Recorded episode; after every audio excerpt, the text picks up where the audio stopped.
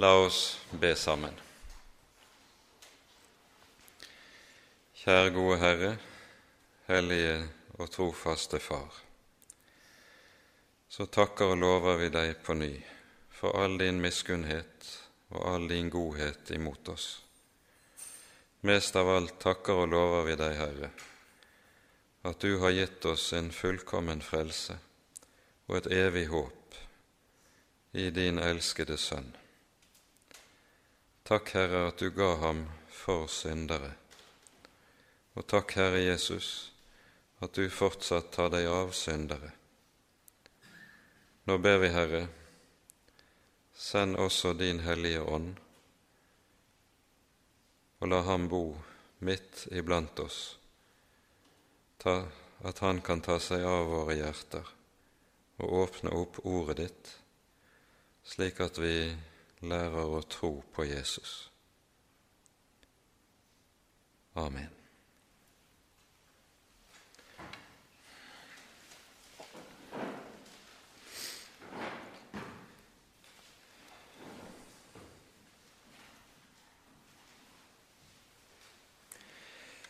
Vi kommer til eh, i kveld vesentlig å ta for oss en del saker som vi ikke rakk å stanse opp for sist gang eh, i det samme avsnittet som vi hadde for oss sist gang.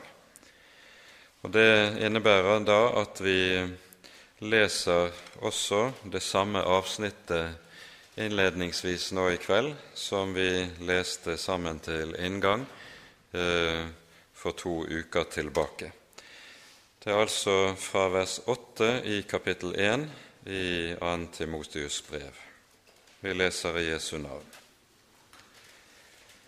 Skam deg derfor ikke ved vår Herres vitnesbyrd, eller ved meg, hans fange, men lid ondt sammen med meg for evangeliet i Guds kraft. Han er den som har frelst oss og kalt oss med et hellig kall. Han gjorde det ikke etter våre gjerninger, men etter sin egen rådslutning og nåde, den som han ga oss i Kristus Jesus fra evighet av. Nå er denne nåde blitt åpenbart ved vår Frelser Jesu Kristi åpenbaring. Han har tilintetgjort døden og ført liv og uforgjengelighet frem i lyset ved evangeliet. Og ved det er jeg satt til forkynner og apostel og lærer for hedningene.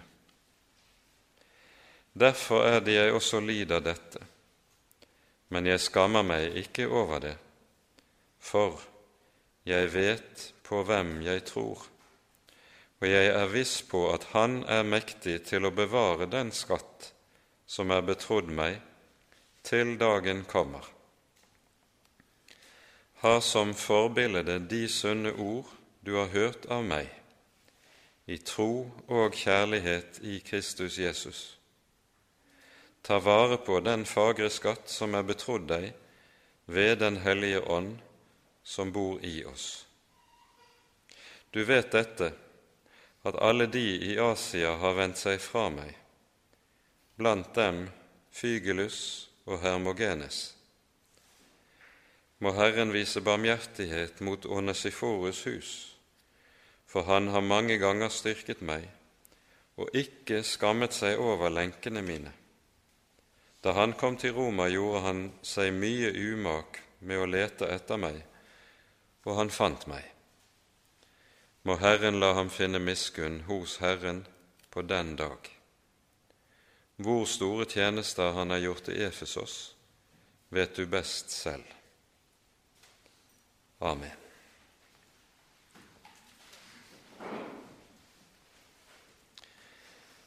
Sist gang stanset vi først og fremst opp for uh, disse ordene som uh, vi leser i vers 8 og vers 9, og deretter det vi hører i vers 12 der eh, hovedtematikken er det å skamme seg over evangeliet og de som er evangeliets tjenere, og den fristelse til å gjøre dette som eh, ligger oss nær alle sammen. Det er tydelig at eh, Timotius, ut fra det at han er en fryktsom natur, har følt denne fristelsen meget sterkt, og ikke minst også periodevis antagelig har vært lammet av motløshet. Skal vi sammenfatte en del av eh, det vi hørte sist gang, kan det kanskje best gjøres ved hjelp av Jesu ord i Markusevangeliets åttende kapittel, der eh, Jesus sier følgende til eh, disiplene sine. Den som skammer seg over meg og mine ord i denne utro og syndige slekt, ham skal også menneskesønnen skamme seg ved når han kommer i sin Faders herlighet med de hellige engler. Det vi legger merke til i dette ordet fra Jesu munn, det er at han setter likhetstegn mellom det å skamme seg ved Jesu person og det å skamme seg ved Jesu ord. Dette er to sider av samme sak. En kan nemlig ikke ha ett forhold til evangeliet og et annet forhold til Jesu person. Dette hører uløselig sammen.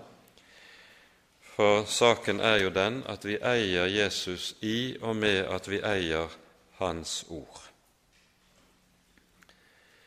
Derfor er dette ordet fra vår Herre Jesus uhyre sentralt i møte med det som vi har hørt her i andre Timotius brev. Når Paulus sier i vers 12, sånn som vi hører det. Jeg skammer meg ikke ved det. Han sitter i fengsel, han lider for evangeliets skyld, men sier, 'Jeg skammer meg ikke ved det'. Så har dette en helt bestemt årsak, nemlig det som følger i den neste setningen, 'For jeg vet på hvem jeg tror'. Det første vi skal merke oss i det Paulus her sier, det er at han ikke sier 'jeg vet på hva jeg tror', men han sier 'jeg vet på hvem jeg tror'. Med det peker han på det helt sentrale, at troen er et personforhold og et personfellesskap. Det består i å leve i det personfellesskapet som vi her hører om, med Jesus selv. Hadde det stått at 'jeg vet på hva jeg tror', da ville det veldig fort lede tanken i retning av noe rent tankemessig, rent intellektuelt, at det handlet om å godta bestemte læresetninger. Det dreier det seg jo om òg. Men det blir tomt hvis ikke det som er det helt sentrale, får lov til å stå der, nemlig at vi er kalt til personfellesskap med Herren Jesus selv. Jeg vet på hvem jeg tror. Dette gir, setter Paulus ord på i innledningen til første Korinterbrev, da han ganske kort beskriver hva korinterne er kalt til. Han sier Gud er trofast, Han ved hvem dere ble kalt til samfunn med Hans Sønn, Jesus Kristus. Kallet som vi har fått som kristne, det består altså i et kall inn til samfunn med Herren Jesus Kristus. Og det å være en kristen, det er altså å leve i dette samfunn, i dette personfellesskap. Det er å vandre med Jesus gjennom livet. Og Dermed så angir Bibelen også for oss hvilket veldig privilegium det er å være et Guds barn. Det handler ikke bare om overbevisninger om bestemte sannheter, men det handler om det å få lov til å vandre sammen med Guds egen sønn gjennom livet og vite at i ham eier jeg livet. Jeg vet på hvem jeg tror. Her skal vi kanskje også minne om ordene i Salme 25. Herren har fortrolig samfunn med dem som frykter ham. Samme sak som understrekes for oss i disse ordene i Davids salme. Når Paulus sier, som vi hører, 'Jeg vet på hvem jeg tror', så har han i de foregående vers beskrevet de sentrale sakene, de sentrale trossannheter, som Jesus kommer til oss med. Det er det vi leser fra vers 9 og fra vers 10, der Paulus går inn på og med kort, hugne ord beskriver hva evangeliet består i. Og La oss nå stanse ganske kort opp for hvordan Paulus i meget komprimert form beskriver hva evangeliet egentlig er for noe. Det begynner med setningen i vers 9.: Han er den som har frelst oss. Det første som dermed sies, det er at vi her har med den guddommelige monergisme å gjøre. Vi har talt tidligere om dette uttrykket, hva det betyr. Det beskriver at frelsen er noe som er Guds gjerning alene, noe som intet menneske kan bidra til, legge noe til eller samarbeide med Gud med. Motsetningen til dette er det vi kaller for syndergisme, der frelsen tenkes som et resultat av et visst samarbeid mellom Gud og mennesker. Alt slikt er utelukket. Slik Paulus her ordlegger seg, så er det Herren Jesus alene som er subjekt for frelsen. Han frelste oss, og vi er mottagere av en ganske bestemt gave. Det andre vi legger merke til i denne setningen, det er måten Paulus bruker ordet 'frelse' på. Vi kan ofte bruke dette og anvende dette som et ord rent personlig når vi sier 'Jeg er frelst'. Når ble du frelst? Og så kan noen svare ved å angi f.eks. en bestemt dato da de kom til tro på evangeliet, eller da de ble døpt. Men her beskriver Paulus ikke frelsen subjektivt. Her beskriver Paulus frelsen objektivt, nemlig det han her tenker på, det er det som skjer på korset. Når Jesus utånder, slik vi leser det i Johannesevangeliet 19. kapittel, med ordene det er fullbrakt. Det er selve poenget at det er der frelsen ble gjort ferdig. Og det er det Paulus også har i tanke, sånn som han ordlegger seg her. Egentlig burde det være enhver kristens svar når spørsmålet blir stilt når ble du frelst? det ble jeg for 2000 år tilbake. nemlig da Jesus døde på korset. Der ble alt fullbrakt.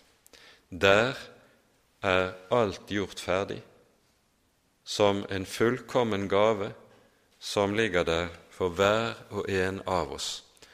Han frelste oss. Og så kommer den subjektive siden inn i den neste setningen og kalte oss med et hellig kall. Dette kall kommer til oss i evangeliet. Det kommer til oss i budskapet om Jesus, om hvem Jesus er, og hva Jesus har gjort til vår frelse. Det er det hellige kall. Og det kalles for et hellig kall av to grunner. Det er for det første fordi det kommer til oss som et Guds ord, og derfor er det det hellige ordet. Vi kaller vår Bibel for Den hellige Skrift. Og dette er noe som er overmåte betydningsfullt å understreke, ikke minst i våre dager, hvor det ser ut til at både den ene og den andre finner det for godt å tukle med Skriften ettersom en synes. Når budskapet er et hellig budskap, så er det betegner det at dette er noe som er Guds egen eiendom, og som vi derfor ikke har lov til, ikke har fullmakt til og ikke har rett til å tukle med, verken å trekke noe fra eller å legge noe til. Det er Guds eiendom. Ordet hellig det betyr jo at det er noe som er utskilt. Det er noe som er skilt fra den verdslige eller sekulære sfære og hører til en annen verden, et annet område. Budskapet er hellig på den måten at det er Guds ord som skiller seg fra alt som heter menneskeord mennesketanker og menneskebudskap. Det er det hellige ordet. I Kirkens gudstjeneste hos oss så understrekes dette med hver tekstlesning med at det sies 'denne hellige lektie står skrevet'. Denne hellige epistel står skrevet. Dette hellige evangelium står skrevet. Tenk på dette hver gang vi har tekstlesning i Guds hus, for dette understreker en helt sentral side ved hva det er vi har fått gjennom budskapet i Guds ord. Og Derfor er det også slik at i den kristne menighets gudstjeneste skal intet annet leses enn det som er det hellige ord, det hellige budskap som er gitt av Herren. Derfor blir det også så, et så grovt overtramp som en kan høre det når en f.eks. For i forbindelse med økumeniske gudstjenester kan ha lesning fra Koranen, som det skjedde i Nidarosdomen for noen år tilbake, eller fra buddhistiske skrifter, som det har skjedd i andre sammenhenger. I den kristne gudstjeneste skal utelukkende Guds ord, det som er hellig, Den hellige Skrift, leses. Intet annet. Og dette er helt grunnleggende. For det andre er dette kallet som vi møtes av og med. Det er hellig fordi det skjenker hellighet til hver den som tar imot kallet. I innledningen til første Korinterbrev igjen, som vi siterte fra i sted, der står det til de hellige som er i Korint, de som er helliget ved troen på Jesus Kristus. Legg merke til uttrykksmåten. Her sies det altså ikke at de er hellige i kraft av sitt liv, men det sies de er helliget ved troen på Jesus Kristus. Det er nemlig et bestemt budskap som har møtt disse i Korint. Budskapet om Herren Jesus og Hans frelsesverk. Og dette budskap, det, det er det budskapet som skaper et Guds folk som er et hellig Guds folk. Vi er hellige ved troen. Og Det er dette vi også leser i trosbekjennelsen på søndagen i forbindelse med tredje trosartikkel. Jeg tror på Den hellige ånd, en hellig, allmenn kirke. For ved dette budskap så skiller Herren seg ut et folk for sitt navn, og derfor er dette folk det hellige folket. I Galaterbrevets innledning sies det om Jesus i hans frelsesverk at han er den som ga seg selv for våre synder, for å fri oss ut av den nåværende onde verden. Altså ved budskapet om Jesus så fris vi ut, der skapes et skille, vi blir et Guds folk, vi helliges ved dette kall. Og så sier Skriften videre La den som er hellig, fortsatt bli helliggjort. De som er helliget ved troen på Jesus, de er også da kalt til å leve det hellige livet. Den grunnleggende hellighet, det er den vi eier ved troen på Jesus. Men denne hellighet, den kalles vi til å leve ut her i livet og det er det som kalles for helliggjørelse. Gud kalte oss ikke til urenhet, men til helliggjørelse, skriver Paulus i 1. Tessalonika-brev i forbindelse med forma konkrete formaninger. Og Dette er en del av det som ligger i ordene som Paulus her anvender. Han er den som frelste oss og kalte oss med et hellig kall, ikke etter våre gjerninger, altså ikke på grunnlag av noe vi er eller gjør eller forsøker å få til, men, sies det, etter sin egen rådslutning. Og så minnes vi med dette om en sannhet som går igjen gjennom hele Den hellige Skrift.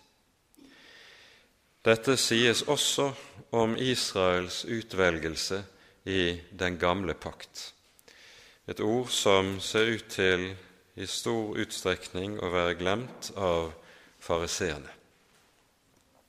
I 5. Moseboks 9. kapittel hører vi dette understrekes med stor styrke. Det taler om at Israel nå står foran inngangen til det lovede land, og så advares folket mot egenrettferdighet.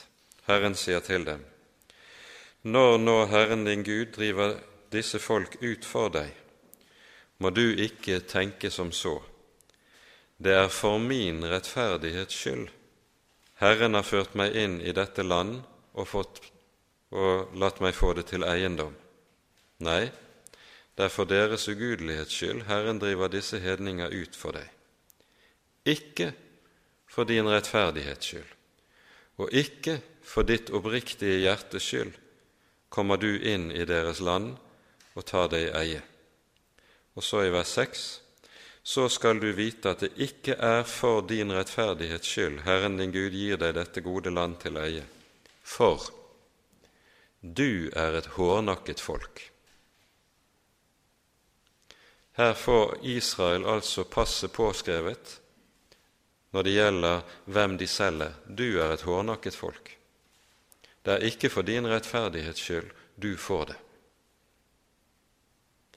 Men de får dette land fordi Herren i sin nåde har gitt et løfte og på grunnlag av dette løftet har han kalt og utvalgt dette folk, selv om det er det minste av alle folk selv om det er det ringeste av alle folk, har Herren ville ta seg av dem. Og nøyaktig samme sak gjelder altså om Guds folk i Det nye testamentet også. Han gjorde det ikke etter våre gjerninger, men etter sin egen rådslutning og den nåde som han ga oss i Kristus Jesus fra evighet av. Og legg merke til her, her tales det om Guds råd av evighet. Det apostelen dermed er inne på, det er at han med dette sier at den frelse som Jesus kom for å fullbyrde, det er ikke en tilfeldig reparasjonserklæring, et tilfeldig reparasjonsarbeid som Gud har satt inn i verden når mennesket falt. Nei, slik Bibelen tenker om dette, har Gud fra evighet av, altså før skapelsen, før himmel og jord ble til, har Han bestemt å gi oss arvelodd i sin Sønn. Han har utvalgt oss for at vi skal ha del i Sønnen. Og dette har han bestemt fra evighet av. Dette understrekes en rekke sammenhenger i Det nye testamentet. Vi vil her bare peke kort på to viktige vers. Først i Efeserbrevets første kapittel, der det står i innledningen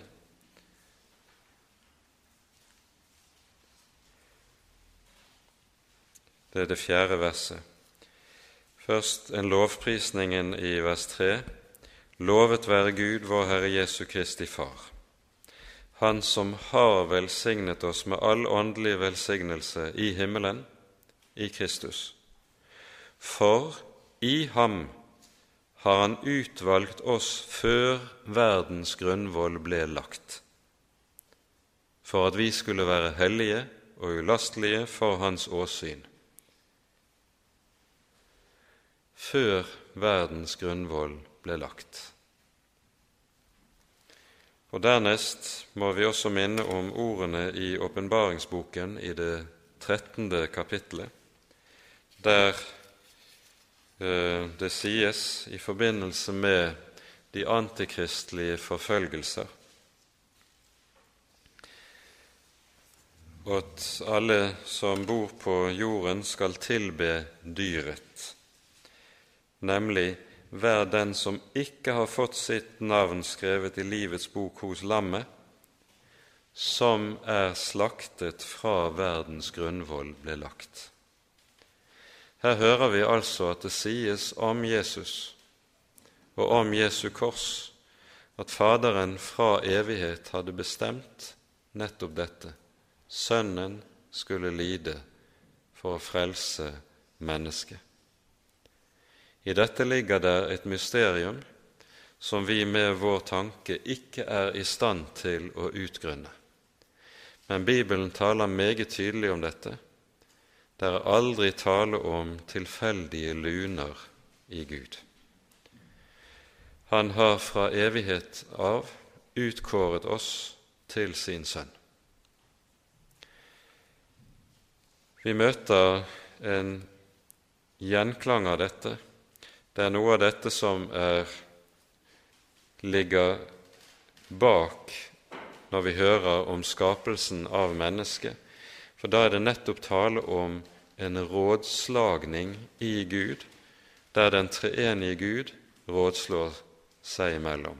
Det sies 'La oss skape mennesker i vårt bilde og etter vår lignelse'.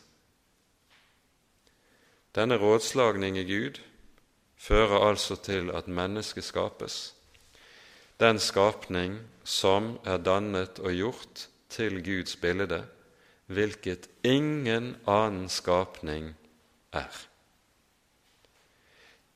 Vi er skapt og gjort til Guds bilde med tanke på at den levende Gud søker dette personfellesskap med hvert enkelt menneske. Og forutsetningen for at dette personsfellesskap skal bli til, det er den frelse som Jesus fullbyrder på korset.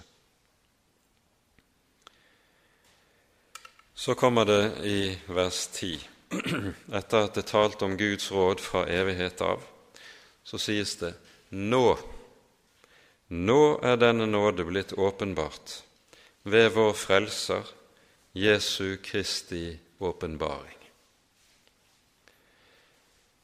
Han har tilintetgjort døden og ført liv og uforgjengelighet frem i lyset ved evangeliet. Det som vi leser i den siste setningen her, det er en hovedsak her i andre Timotius brev.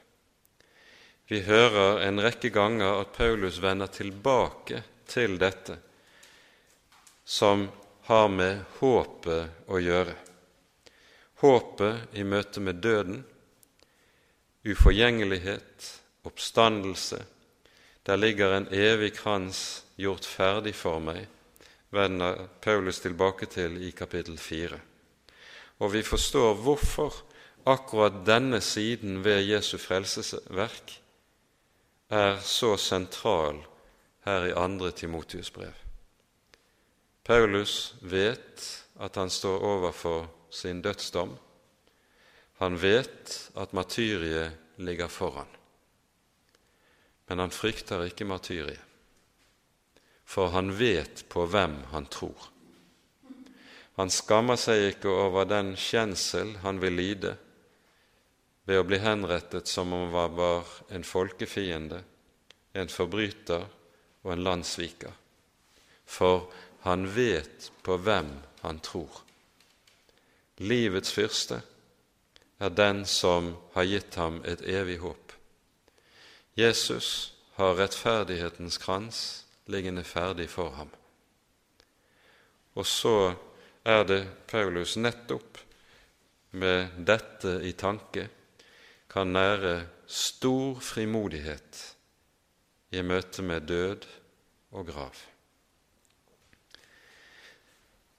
Her skal vi kanskje minne om noe som eh, jeg også leste på påskemorgens gudstjeneste her i kirken.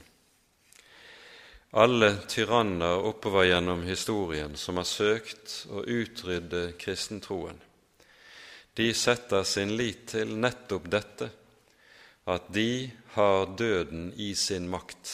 De har makt til å true sine undersåtter med død, fordervelse og ødeleggelse.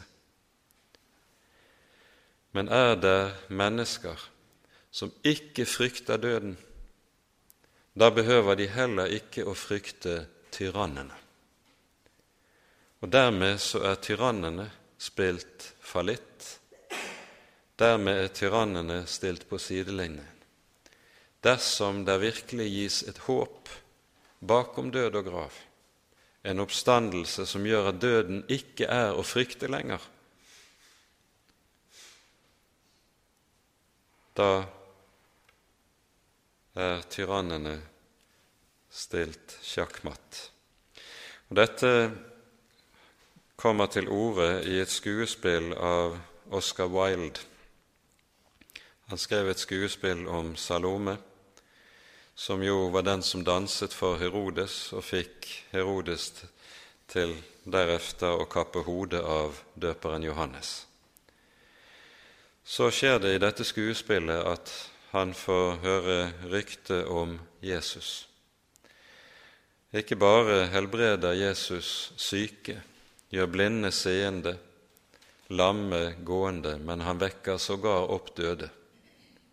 Og det foruroliger Herodes. Og så lyder det fra Herodes' munn i dette skuespillet.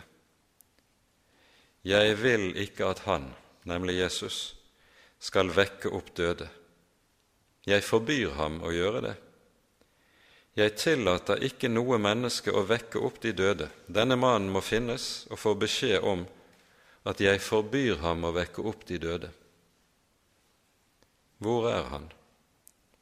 Og så får han til svar Han er overalt, Herre, men det er vanskelig å finne ham.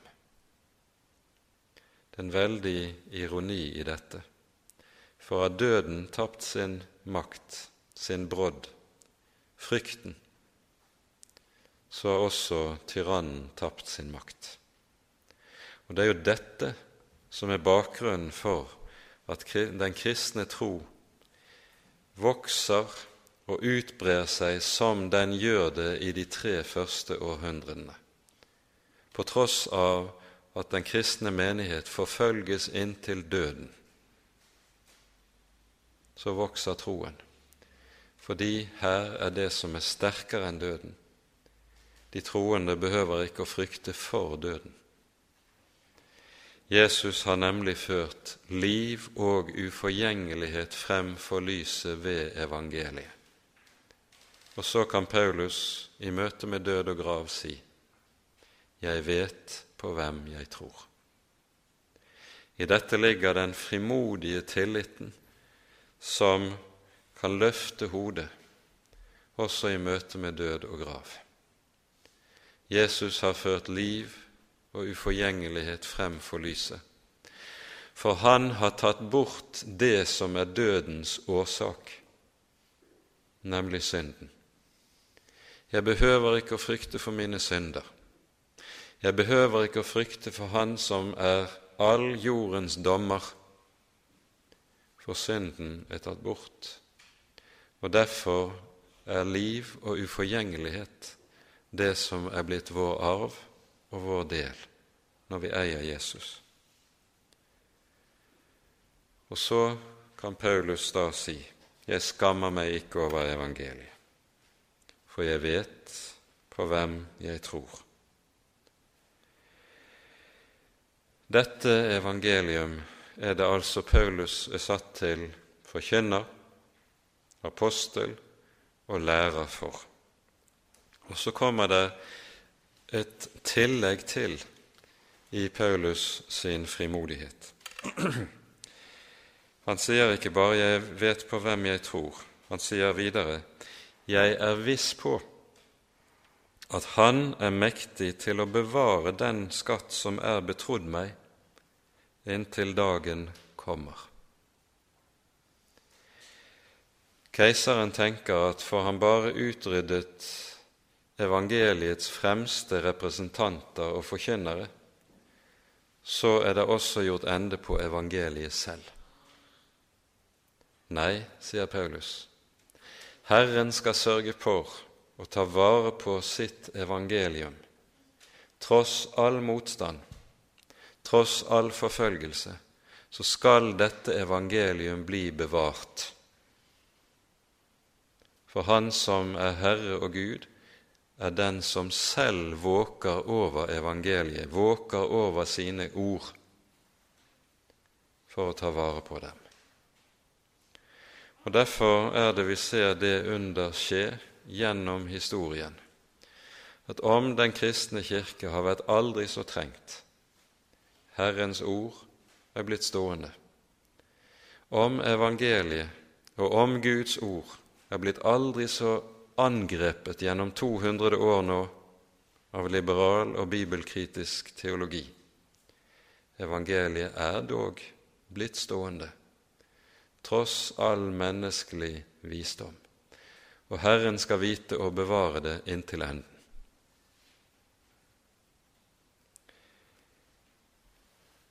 For evangeliet, det er Guds eget ord. Det er Guds eiendom som han selv hegner om. Hos Jeremia lyder det i det første kapittelet til en mann som kalles til profet, midt i et folk som står ordet imot. Så sier Herren, Jeg vil våke over mitt ord for å fullbyrde det. Og det skjer folket som vil utrydde Jeremia og den tro Jeremia representerer, det folket går til grunne. Men Jeremias ord blir stående. Og Derfor er det at det lyder som et løfte fra Jesu munn, også i møte med de siste ting og de siste tider. Himmel og jord skal få gå.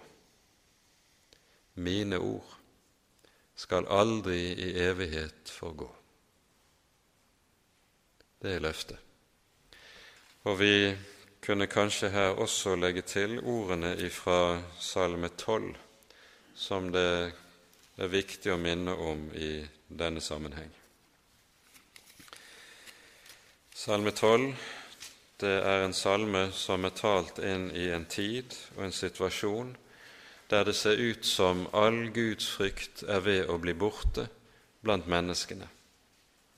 Og Så lyder det som en nødsbønn inn i en slik situasjon.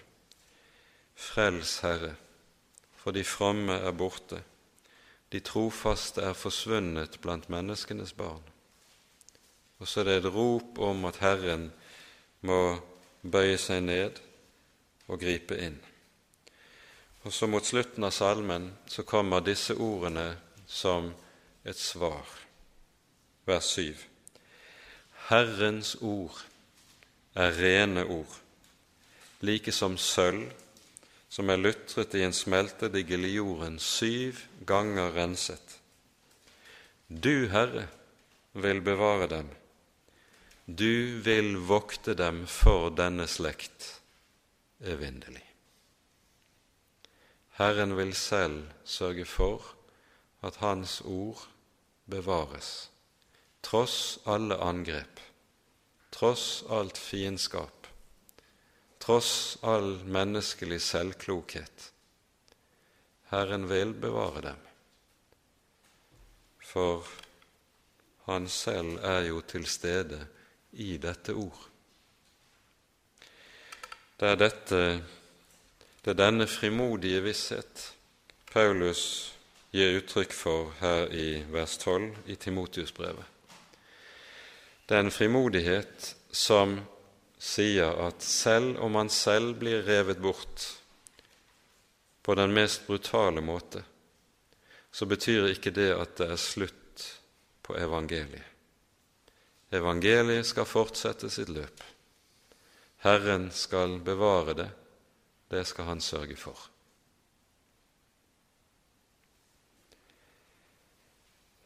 Det ordet som anvendes, og som her er oversatt med 'skatt', det dukker opp igjen i vers 14, og det er et meget særegent ord i det greske språk.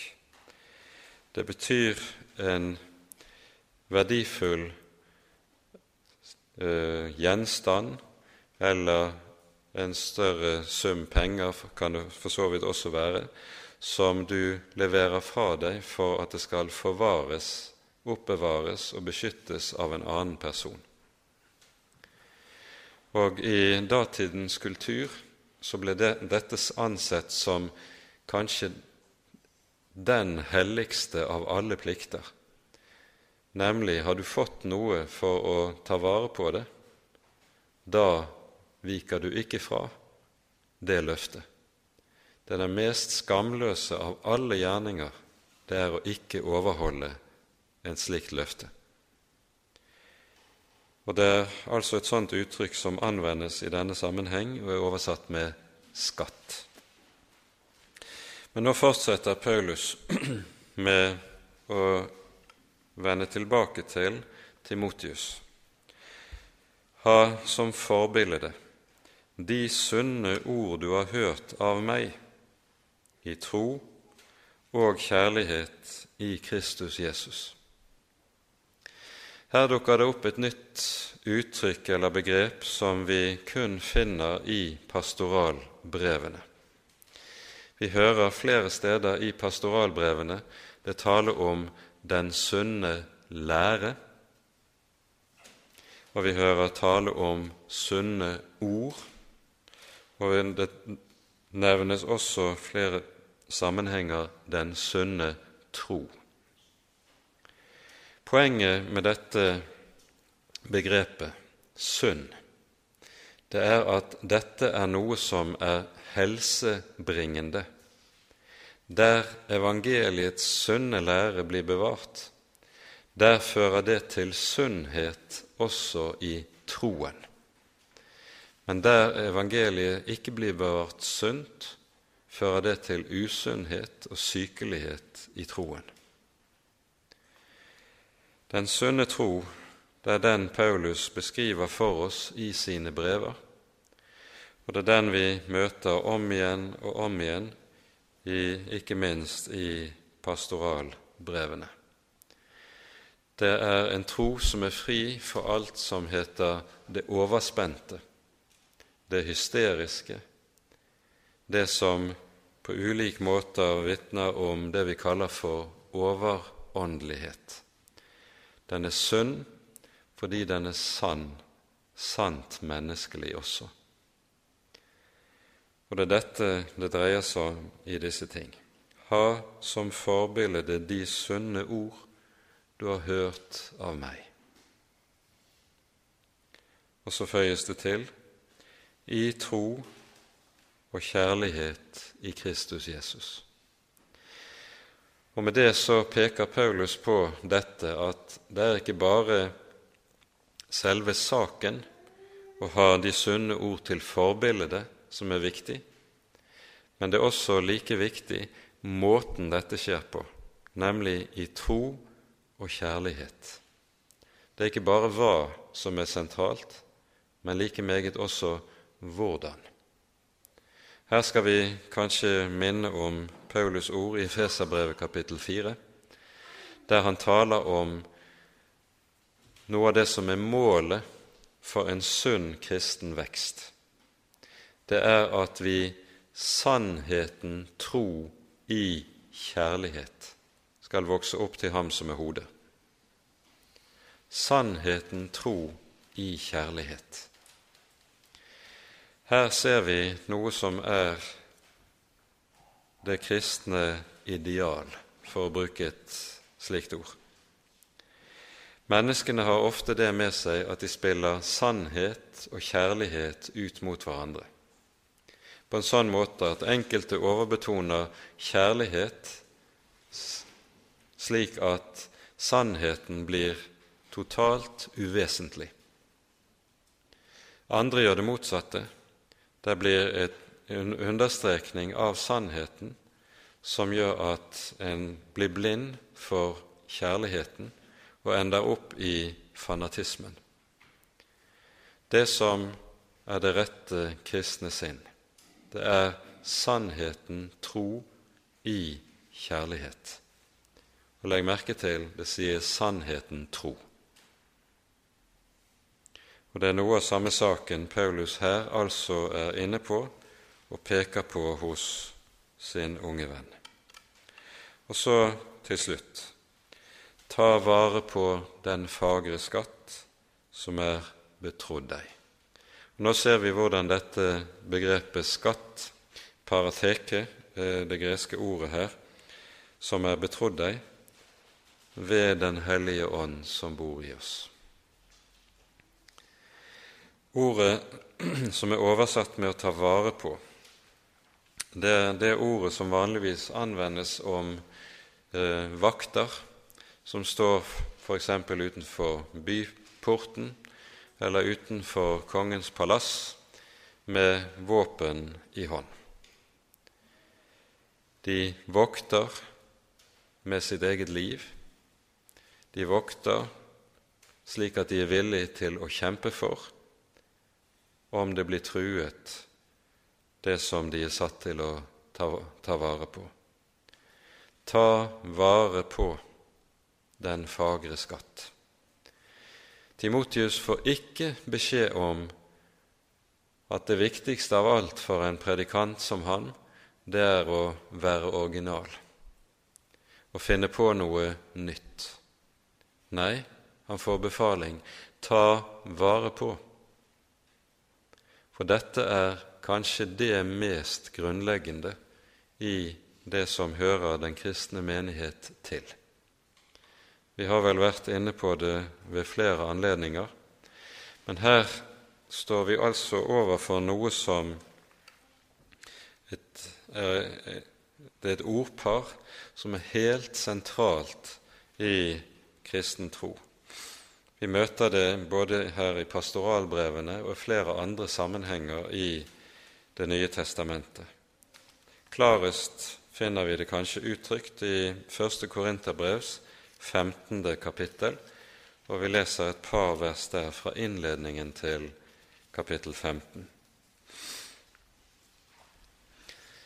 Jeg kunngjør dere, brødre, det evangelium som jeg forkynte for dere, det som dere står fast, det som dere også tok imot, og som dere også står fast i. Ved det blir dere også frelst, dersom dere holder fast ved det ord jeg forkynte dere det, om dere da ikke forgjeves er kommet til troen. For jeg overga dere blant de første ting det som jeg selv tok imot, at Kristus døde for våre synder etter Skriftene. Her hører vi altså at Paulus ganske kortfattet sammenfatter evangeliet og evangeliets betydning. Dette blir dere frelst ved så sant dere tar vare på det, sier han. Og så sies det, for jeg overga dere det jeg selv tok imot. Og Her møter vi altså ordparet å ta imot og å overgi. Det er et ordpar som beskriver den sentrale tradisjonsoverlevering som Skriften vil føre oss inn i og lære oss. Saken er den at vi har fått et budskap, vi har tatt imot et budskap. Og dette budskapet er vi blitt frelst ved. Og Det som er vårt kall, det er at dette budskapet skal også overleveres, gis videre. Vi tar imot og gir videre og overleverer. Poenget med denne tradisjonsoverlevering det er at det som er mottatt, det skal overleveres til neste generasjon i uforandret skikkelse. Det er ikke opp til oss å forandre på det vi har tatt imot. Tvert om, vi er satt til å ta vare på, bevare det, nettopp for at vi skal kunne gi videre i uforandret skikkelse. Og det å gi videre i uforandret skikkelse, det er det Skriften kaller troskap i denne sammenheng. Det som dette ordparet dermed fremstiller for oss, det er også hva den kristne menighets historie består av. Det består av en lang, lang kjede der vi tar imot et budskap som så vi gir videre. Vi er bare slike små som står på skuldrene av våre fedre. Vi har tatt imot og skal gi videre. Og denne lange kjede, den strekker seg fra Herrens apostler og frem til Herrens gjenkomstdag. Dette er forkynnernes kall, og dette er menighetenes kall. Ta vare på den fagre skatt som er dere overgitt. Dette gjelder også som kall til oss som fellesskap.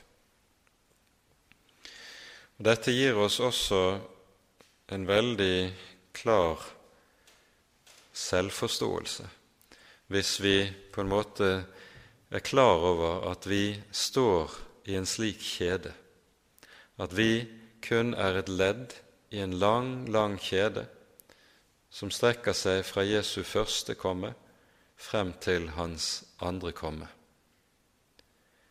Det, en slik selvforståelse redder oss fra selvovervurdering.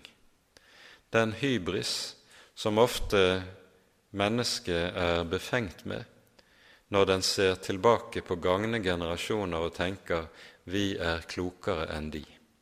Vi vet så meget bedre enn de som gikk foran.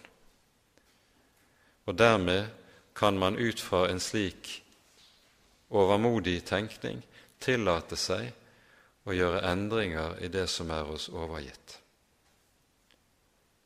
Skriften sier 'ta vare på'. Ta vare på den fagre skatt som er deg overgitt.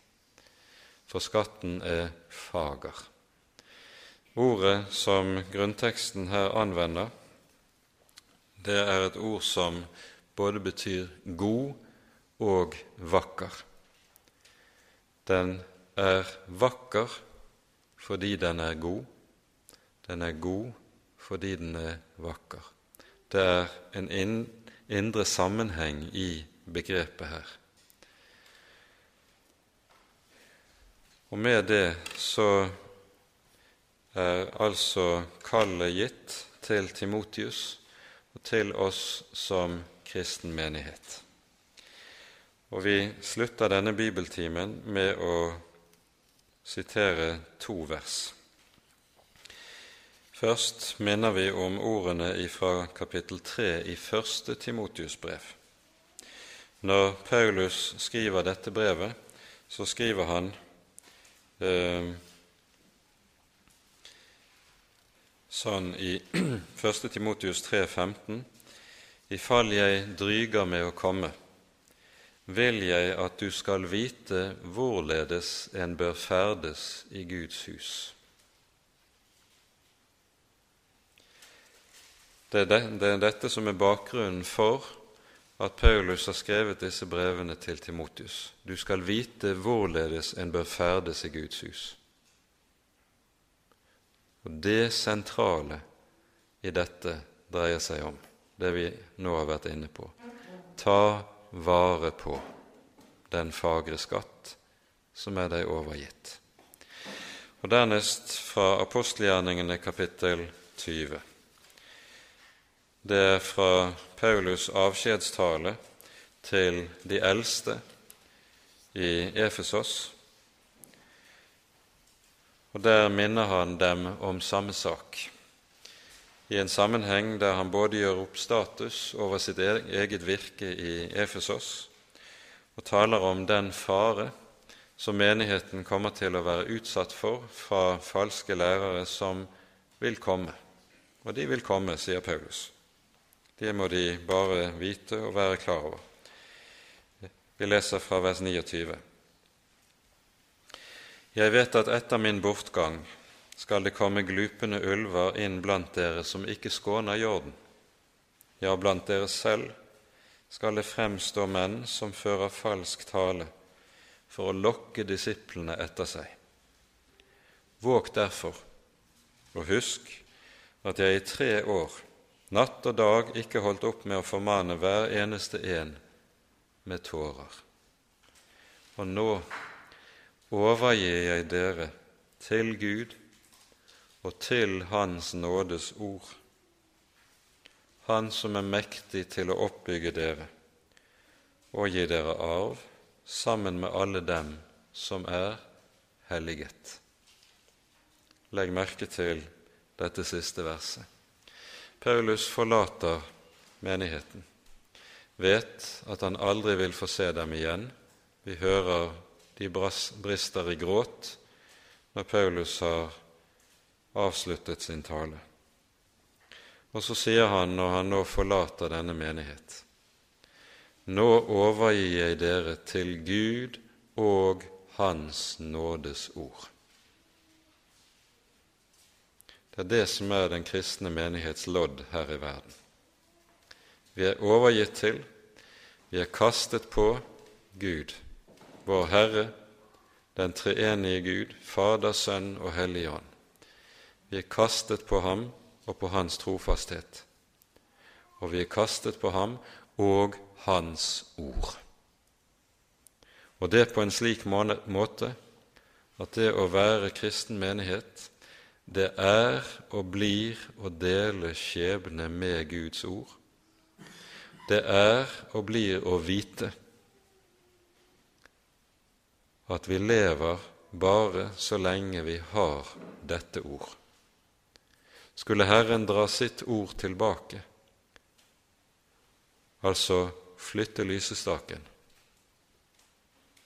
da dør vi. For uten dette ord kan den kristne menighet ikke leve. Derfor lyder det altså ta vare på den fagre skatt. Det er og blir vårt kall. Ære være Faderen og Sønnen og Den hellige ånd, som var og er og være skal, en sann Gud, høylovet i evighet. Amen.